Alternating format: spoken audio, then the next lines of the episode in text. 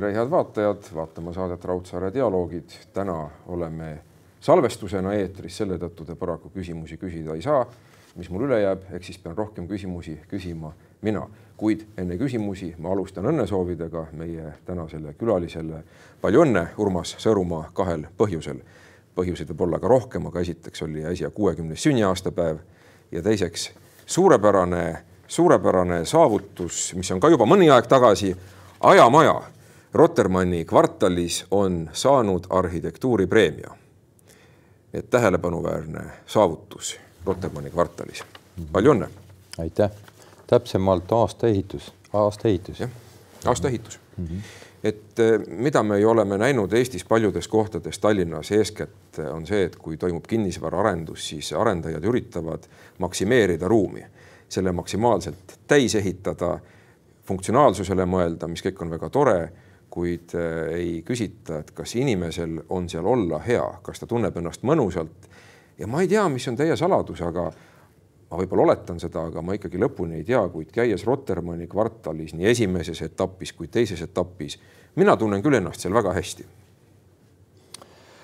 jah, eks, äh, eks äh, ütleme, kõik arendajad tegelikult tahavad ja lausa peavad täis ehitama, sest et turg ja konkurents on see, et kui sa ostad kalli maa, siis sa pead sinna maksimaalselt ehitama, sa pead selle maksimaalselt efektiivselt ehitama.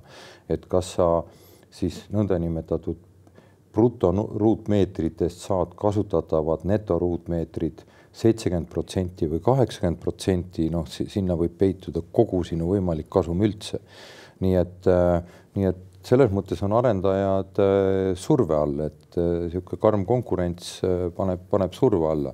aga, aga seda enam ole, on hea, kui on linna planeerimise käigus juba paika pandud põhireeglid nii, et kõigil on samasugused mängureeglid, et tuleb anda nii palju valgust ja nii palju ruumi ja nii palju rohelust ja nii palju äh, Äh, liikumisvõimalust ja nii edasi, et noh, siis on kõige lihtsam.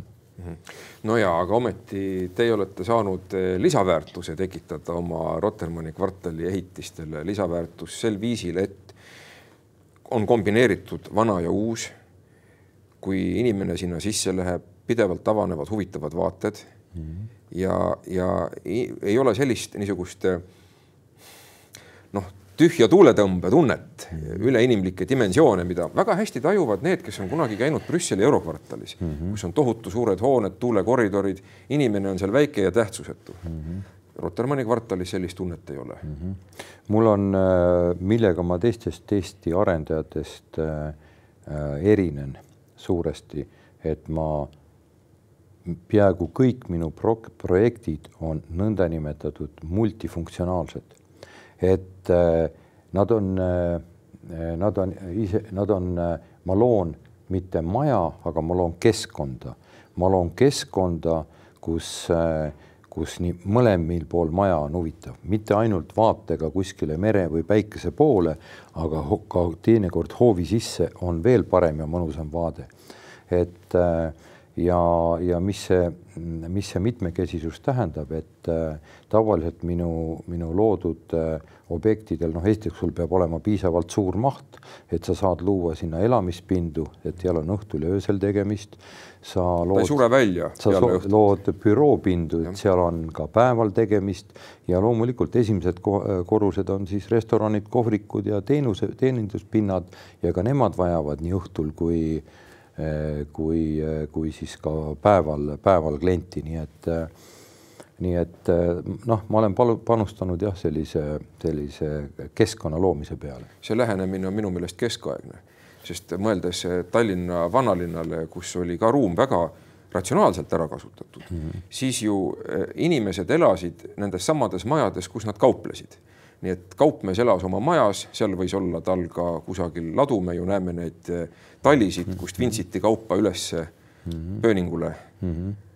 nii et äh, elati, oli, oligi multifunktsionaalne mm -hmm. arhitektuur. jah, et see on, see on, see mõtteviis on mulle südamelähedane, aga noh, tänapäeval ikkagi, ikkagi ütleme noh, päris sellist korrata ei saa, aga aga, aga, aga on ka neid kohti, ega need stock office'id mõnes mõttes on ka, ka niimoodi nagu poolel teel, et äh, sul on kontor ja siis sul on tootmine ja ladu ja mm -hmm. ja, ja kõik see on nagu ikkagi mingid funktsioonid ikkagi viiakse kokku, et ei ole, et äh, kontor on kõrghoones ja siis äh, tootmine on kuskil linna ääres, et et noh, need on viimasel ajal üha rohkem ja rohkem moes mm. -hmm. aga ma saan aru, et teil on väga suur roll selle hea vaimsuse kujundamisel nendes kompleksides, me ei räägi siin ühest majast, me räägime mm -hmm. ikkagi väikesest asumist mm. -hmm.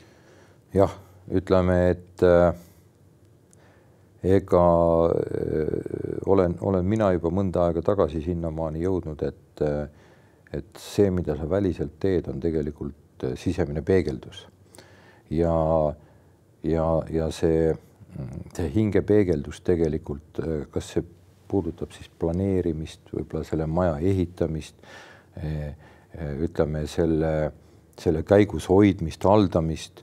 Ja seal on, seal on palju nüansse, et eks siin on ju aeg-ajalt ju kuulda olnud, et et ma olen kõik enda ehitused, ma olen kõigepealt ära, ära harmoniseerinud sellise maa-aluse geoloogia, siis kui ma arhitektidega suhtlen, ma arvan, arhitektid on, ma olen nii mõnedki arhitektid äh, ajanud hullumise ääre peale, kasvõi see aasta ehituse võitnud maja, ma arvan, et seal on vähemalt kümme projekti, millest siis viimane nagu hakkas helisema, elama, mille me valmis tegime.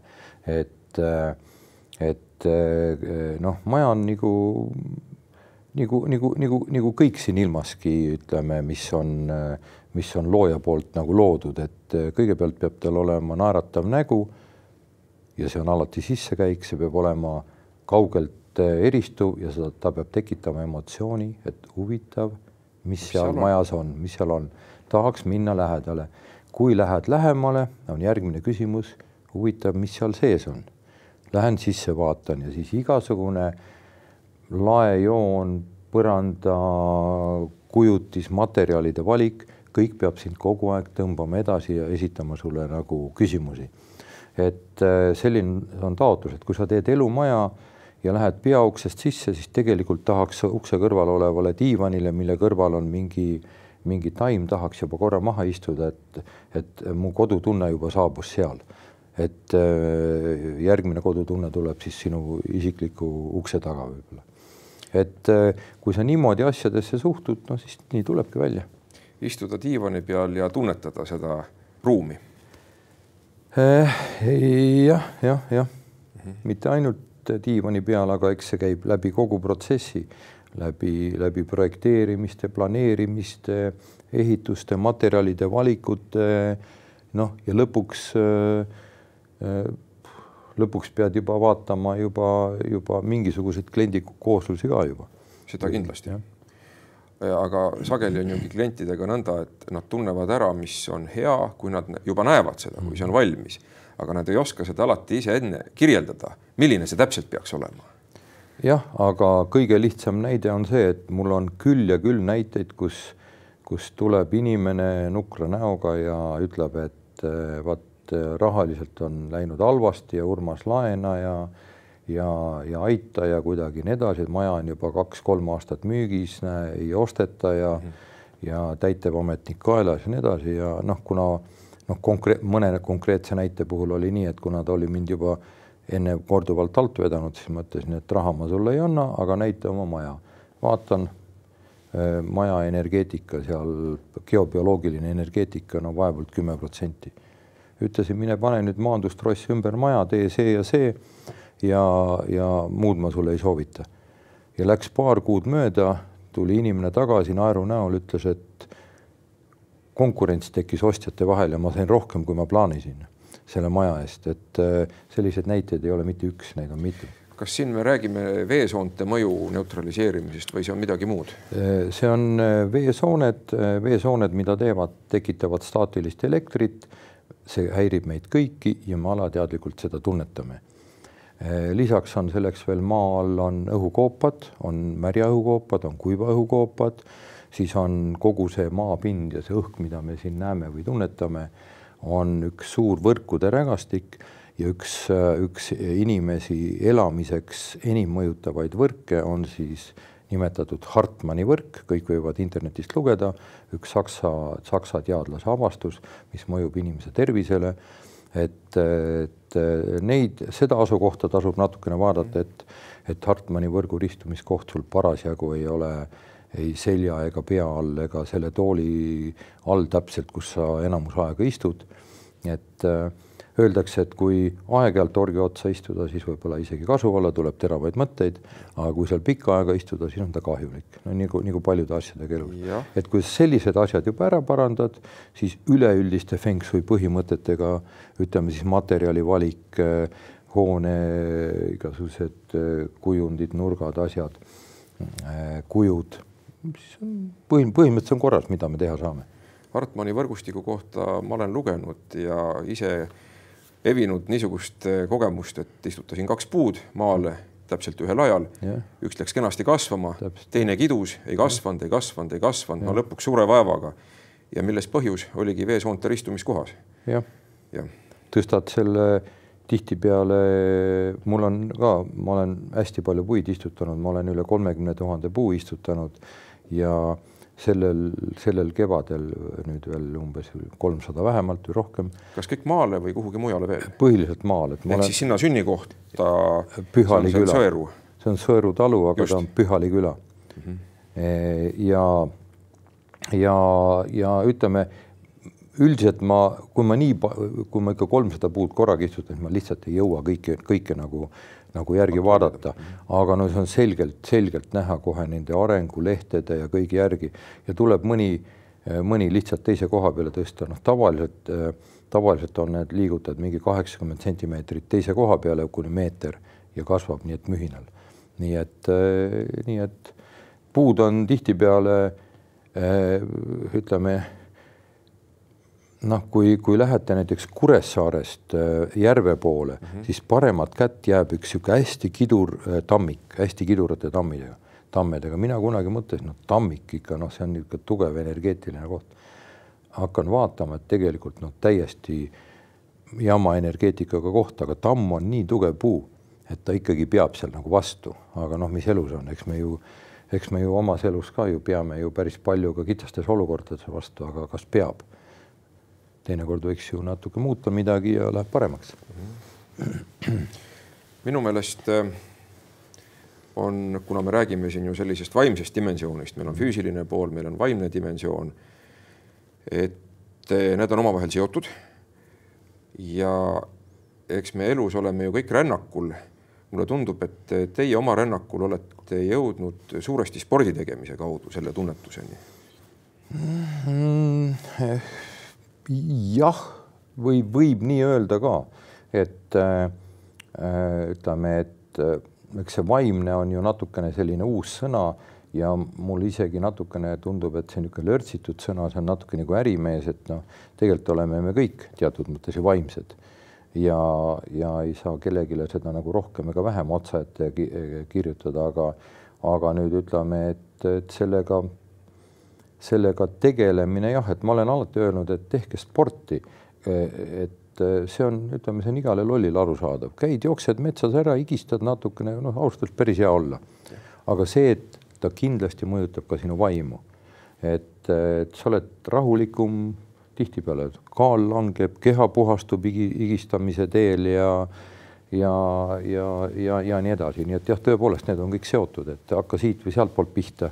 Et mõlemit on vaja teha et äh, ei piisa sellest kindlasti, et äh, istun, mediteerin, loen raamatuid ja ajan tarkust pähe ja, ja unustan oma kõige tähtsama siin maa peal, hing on, hing on igavene, aga see hingekodu on meil siin ajutine ja kui sellele tähelepanu mitte pöörata, no siis see ei ole ka hea. ehk siis see kõige tähtsam on hing, mis meist igas ühes on. kõik on tähtsad hing on, hing, hing on äh, tõepoolest väga tähtis selle, selle hinge hinge võimalike probleemidega me võime lõhkuda oma füüsilise keha ära, me võime, võime läbi iseenda õnnetuse teistele õnnetust tekitada ja nii edasi mm. -hmm. et, et, et kõik nii edasi see on sügav, sügav ja huvitav teema. selle teema juurde võib-olla me saame veel tagasi tulla, aga läheme korraks Tallinna juurde, et mm. mul siinsamas toolil istus lugupeetud Villem Künnapuu, arhitekt, kes on ka väga huvitav isiksus ja kes kõneles,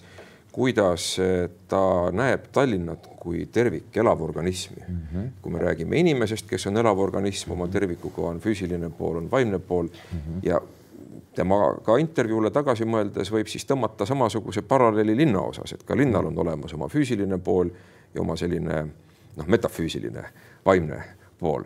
Ja Vilen Künnapuu ütles, et tema kujundab seda julgelt, nii palju kui temale võimalust antud on tornidega, luues vertikaale Tallinnasse, mis siis ta ütles, et panevad energia liikuma ja kõik ei puha, aga, aga me kõik, ma usun, oleme kogenud seda, kui meeldiv on käia rohealadel kus on niisugused taastusalad, pargid ehk siis niisugune tänapäevane modernne linlik pool on tasakaalustatud eh, loodusega mm, -hmm. mis on ju ka New Yorgis näiteks keskpark mm, -hmm. väga populaarne koht, kus inimesed käivad lõõgastumas.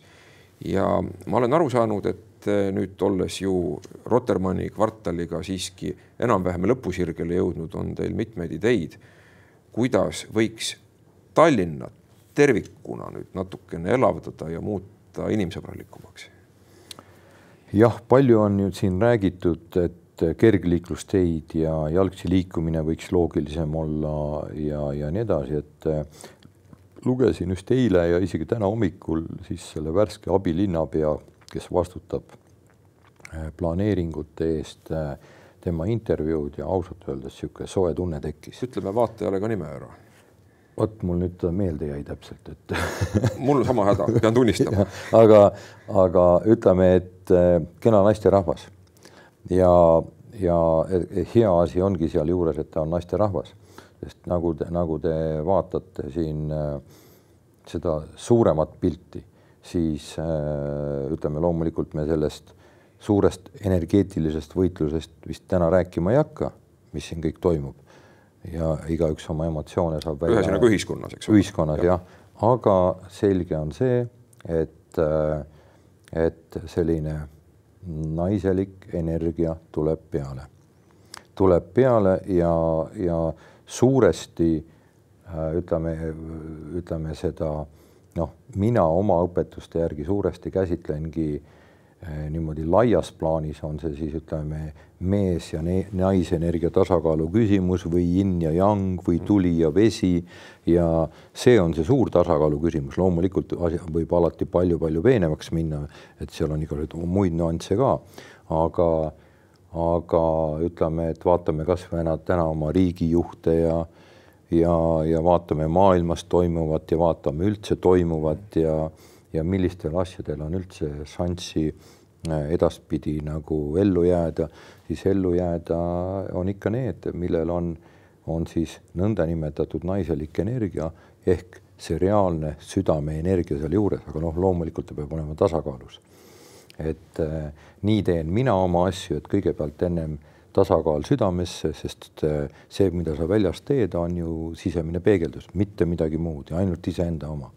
nii et äh, et kui meile kellegi tegevus välispidiselt on häiriv või tekitab meelepaha või me tahaks minna protestima või, või, või teisi õpetama, no siis ütleme, et ikka kõigepealt vaadake iseenda sisse, et ainult seeläbi me saame, saame teha, aga nüüd tulles siis selle planeerimise juurde, siis ütles tema sellise meeldiva asja, et vähemalt kesklinn vajab eraldi planeeringut ma olen temaga täiesti päri, ma olen, äh, ma olen seda mitu aastat juba oma, omal käel uurinud, ajanud, vaadanud, kuidas see võiks välja näha.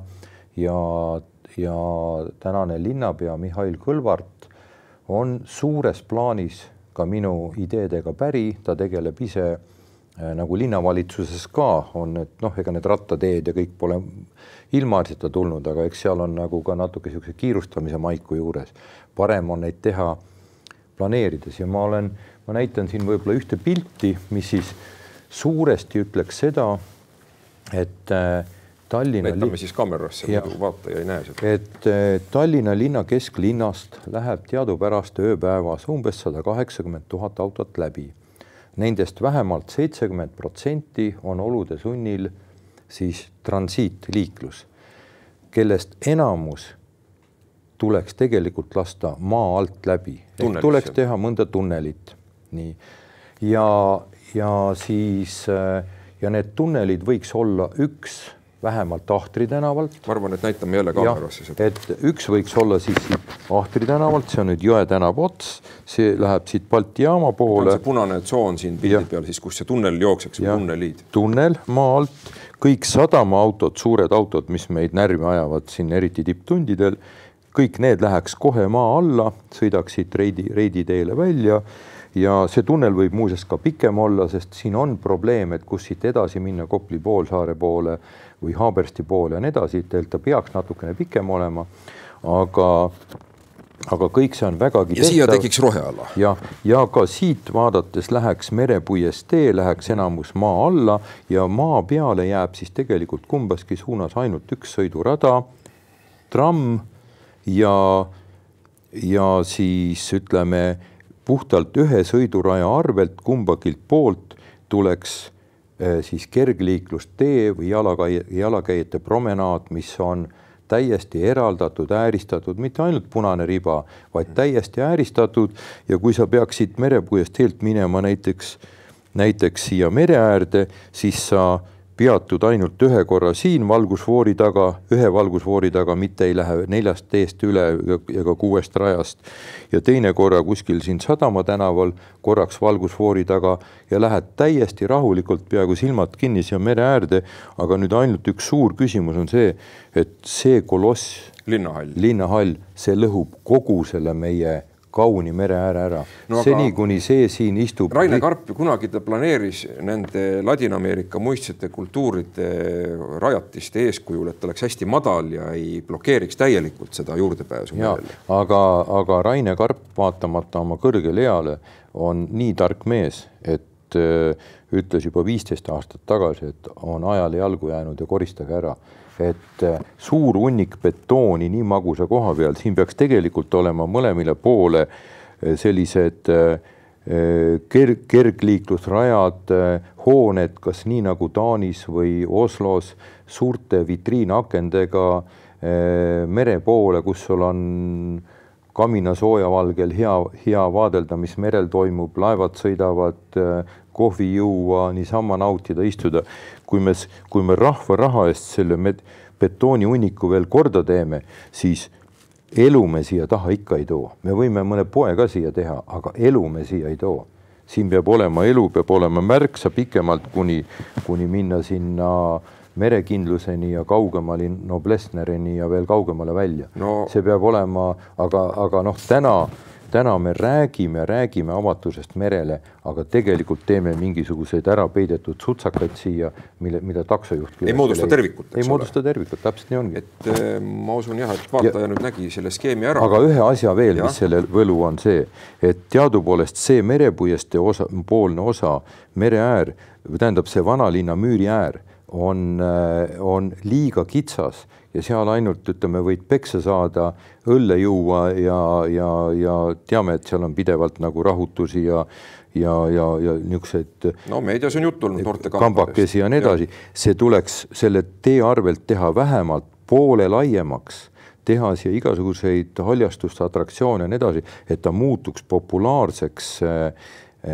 selliseks pargialaks. Ja kui me ümber vanalinna loome sellise laiema Äh, rohe, roheala, siis me paneme tegelikult ka vanalinna elama, sest vastasel juhul on meie vanalinn nagu paljudes, paljude Euroopa vanalinna osad on, on lihtsalt turistidele aeg-ajalt minna vaatama mõnda vaatamisväärust ja siis sealt kohe minema, et mõnusalt tunda ennast kesklinna nagu moodsates kuskil kohvikutes ja kohtades mm. -hmm. et, et noh, nii lihtne see ongi.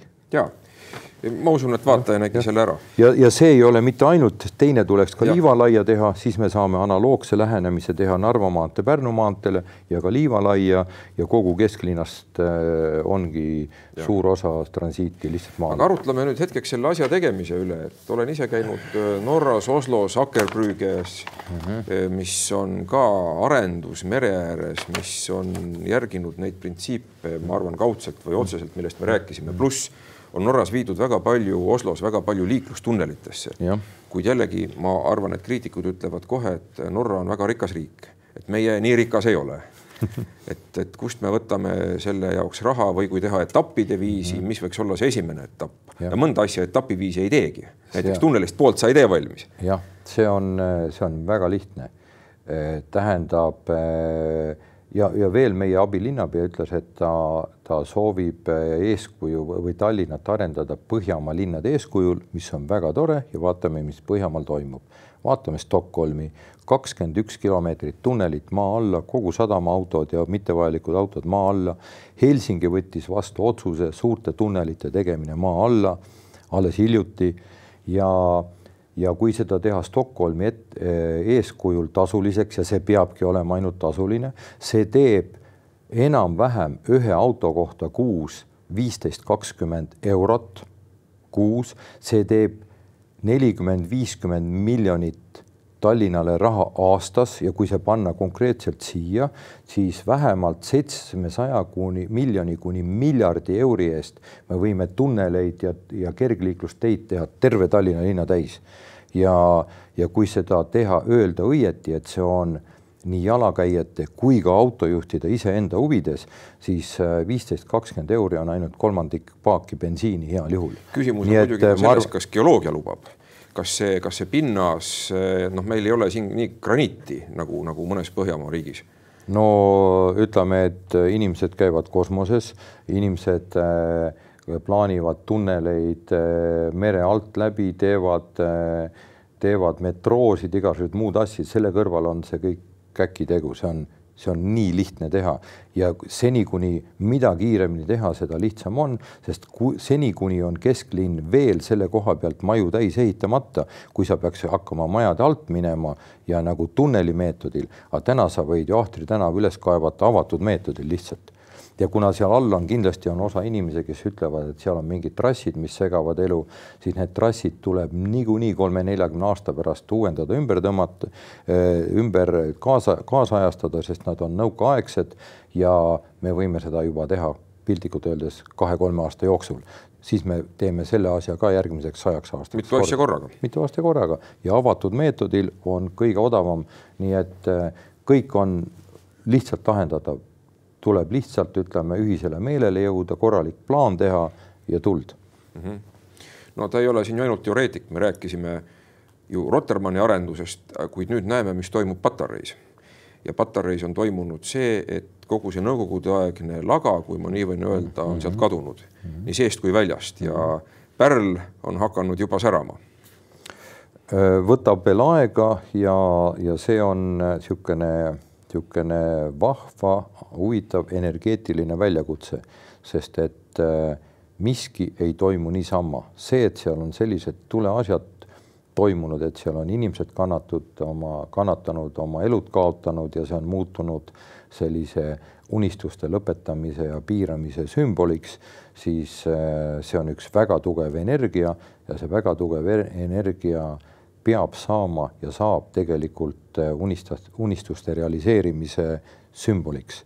ja seda on vaja lihtsalt moodsa sõnaga transformeerida mm. -hmm. nii et mitte lihtsalt harmoneerida, vaid transformeerida ja,. jah, jah. ma käisin seal esimest korda kahe tuhande kaheteistkümnendal aastal mm -hmm. territooriumil ja vaadates ringi, siis oli seal veel kogu see vangla atribuutika alles mm. okastraadid, valvuriputkad, prožektorid katustel ja ainuüksi see atribuutika tekitas kõhedust, et noh, oli tunda tõesti seda surutist mm -hmm.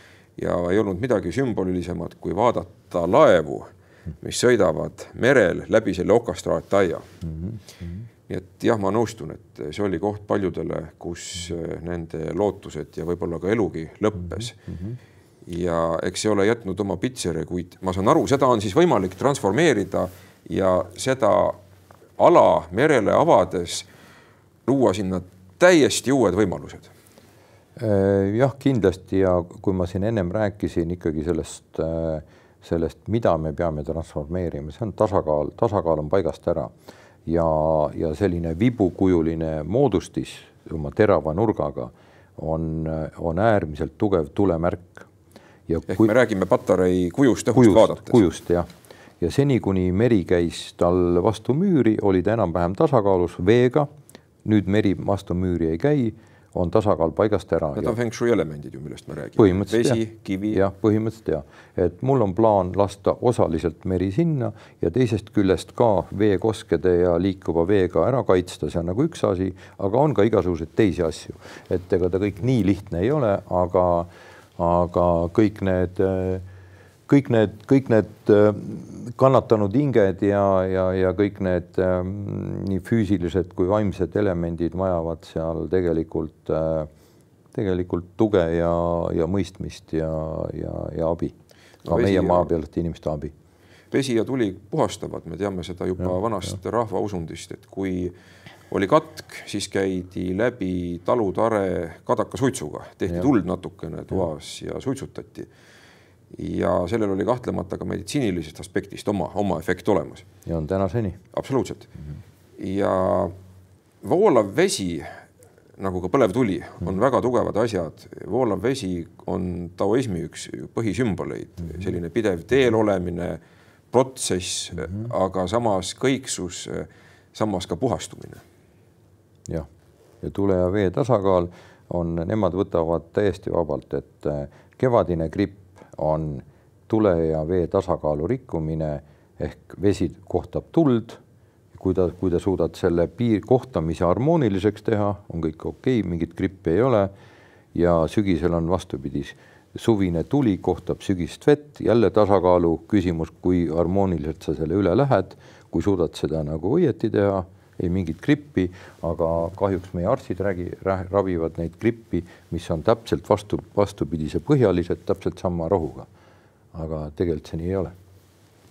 aga kui me tuleme nüüd Patarei juurde tagasi korraks ja me rääkisime sellest, kuidas teda siis, ma nüüd mõtlen, kas öelda harmoniseerida või transformeerida igal juhul tuua see vesi sinna juurde, taas müüride juurde, kus ta kunagi oli, kuna me mhm. teame seda, et Tallinna veepiir on taganenud, et mhm. maad on juurde tulnud et kunagi oli jah, see patarei kindlus päris merekaldal.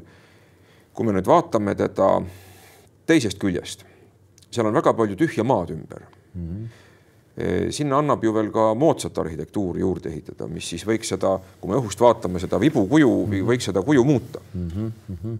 no ega ta on ikkagi muinsuskaitseline objekt ja ta võiks olla ka UNESCO pärandi nimekirjades aga ega sinna palju nagu juurde teha ei saa, et need on ikkagi nagu teised elemendid, kõigepealt me kavatseme ikkagi vee lasta vastu alusmüüre tagasi osaliselt, teha seal väiksed sillakesed üle. müürid on väga heas seisus, neid müürid, avati natuke. ja need müürid on vähemalt nelja meetri sügavused, korralikud graniitmüürid, et sinna kannatab vesi vastu lasta küll see on nüüd üks asi, teisest küljest ma juba ütlesin, et sinna, kus see terav nurk, mis jääb nüüd sinna maa ja vanalinna poole, sinna teeme korraliku sellise, eh, sellise, no seal ongi üks, eh, ma ei mäleta, kuidas ta nagu nimi oli, selle teravnurga vastas on üks selline hoone, siis sinna me laseme veel nagu veekose ka vahele.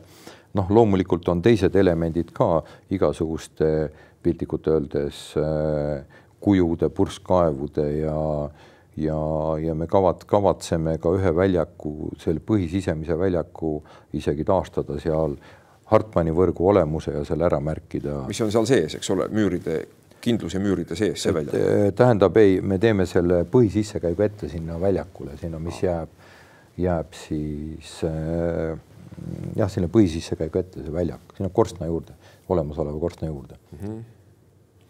no öeldakse ju ka nii, et kus on, sinna tuleb juurde, et see saaks olema ju, mul jäi küsimata, kus on Tallinna süda, aga ma arvan, et Eh, see, kui Patarei avaneb merele ja läheb käima, on kindlasti üks olulistest Tallinna organitest sel juhul, kuna seal on ees juba meremuuseum, et lennu, lennusadam, sadam, eks ole, hangaarid, väga huvitav hoone on ka see. ja, ja siis on ta ikkagi see ümbrus äh, jättes kõrvale siiski need vanad hooned, mis on muinsuskaitselised ja loomulikult sellega kõigega arvestatakse, ma saan aru, kuid ikkagi see on nagu lõuend, mis on suuresti veel tühi ja ootab maalimist. merekindlus ise või? või kogu see ümbrus? jah, kindlasti äh, meiegi ehitame sinna ju nurka ühe, ühe uue maja ka veel.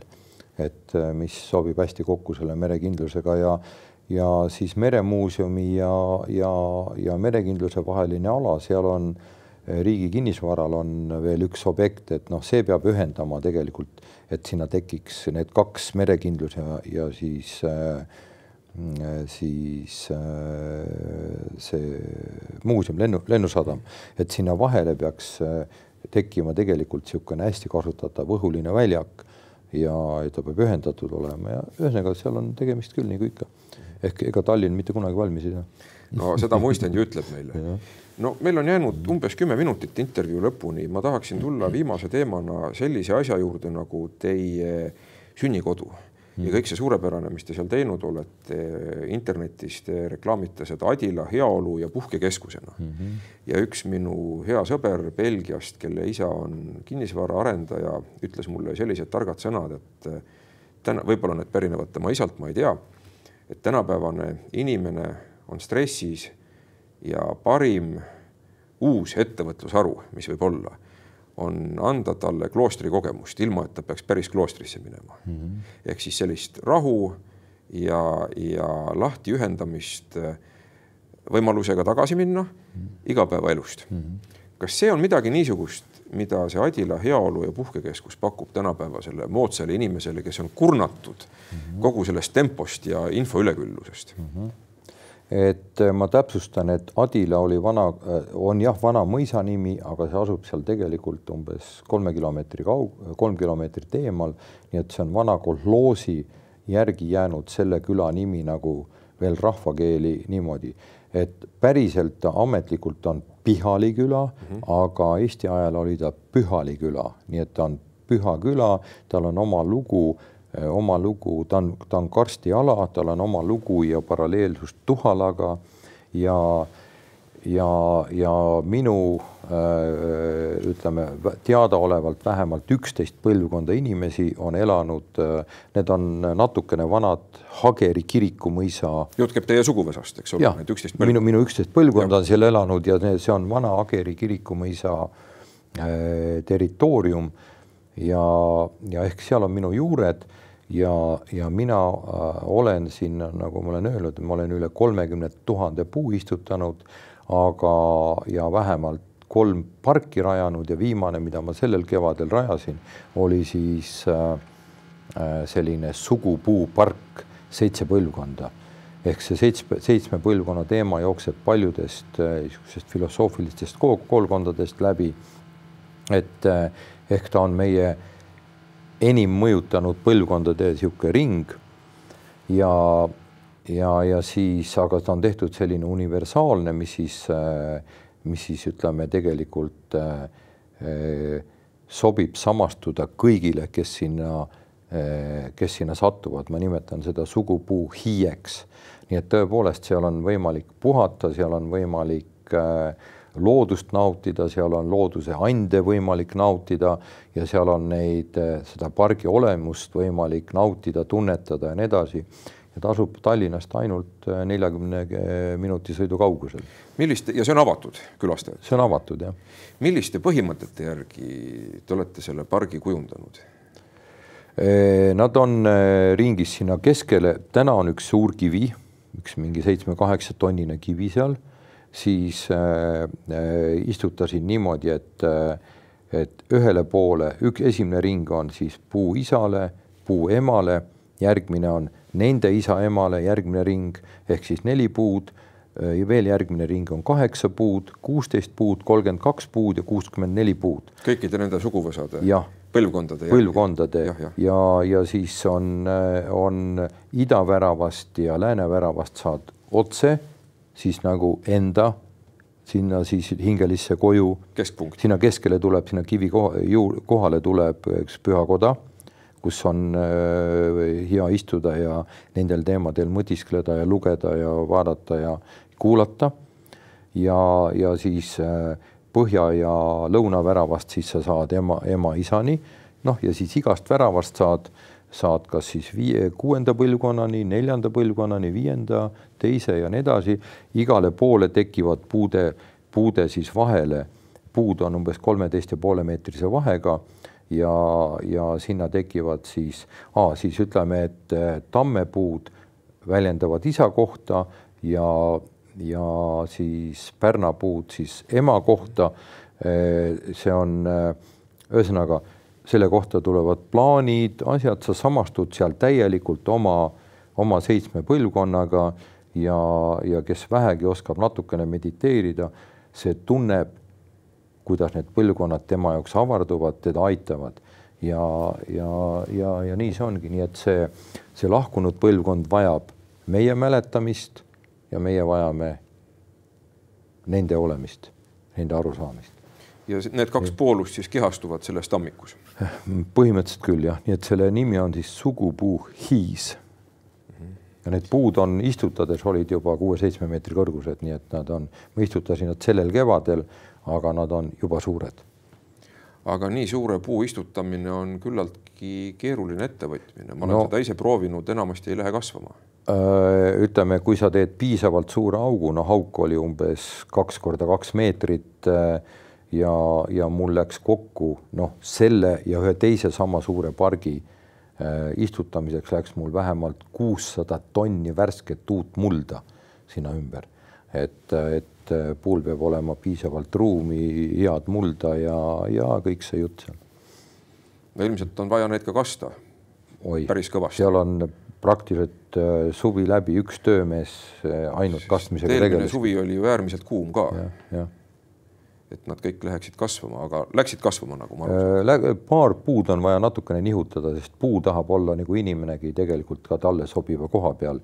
Ja vähemalt selles sugupuu hiiepargis, ma arvan, kaks-kolm puud tuleb mul umbes nihutada kaheksakümmend senti kõrvale, et äh, lihtsalt see, äh, see koht ei ole, ei ole piisavalt hea nende jaoks. Mm nojah, eks siin ma arvan, segunebki omavahel see teie taoistlik kogemus, mida ma saan aru, et te olete süvitsi uurinud, kui ka ma arvan, meile paremini tuntud, ma mõtlen üldsusele paremini tuntud eh, Eesti muinaseesti kogemus, ikkagi see on see loodusega lähedal olek, loodusega koos kulgemine, selline kõiksuse tunne, iseenda tunnetamine selles kõiksuses et eh, selle tõttu ka ma arvan, et ma julgen soovitada kõikidele parkide külastamist alati, see on väga tore ja ja tervendav tegevus, aga, aga see ei ole vist seal heaolu ja puhkekeskuses kõik, et seal on ju üht-teist veel.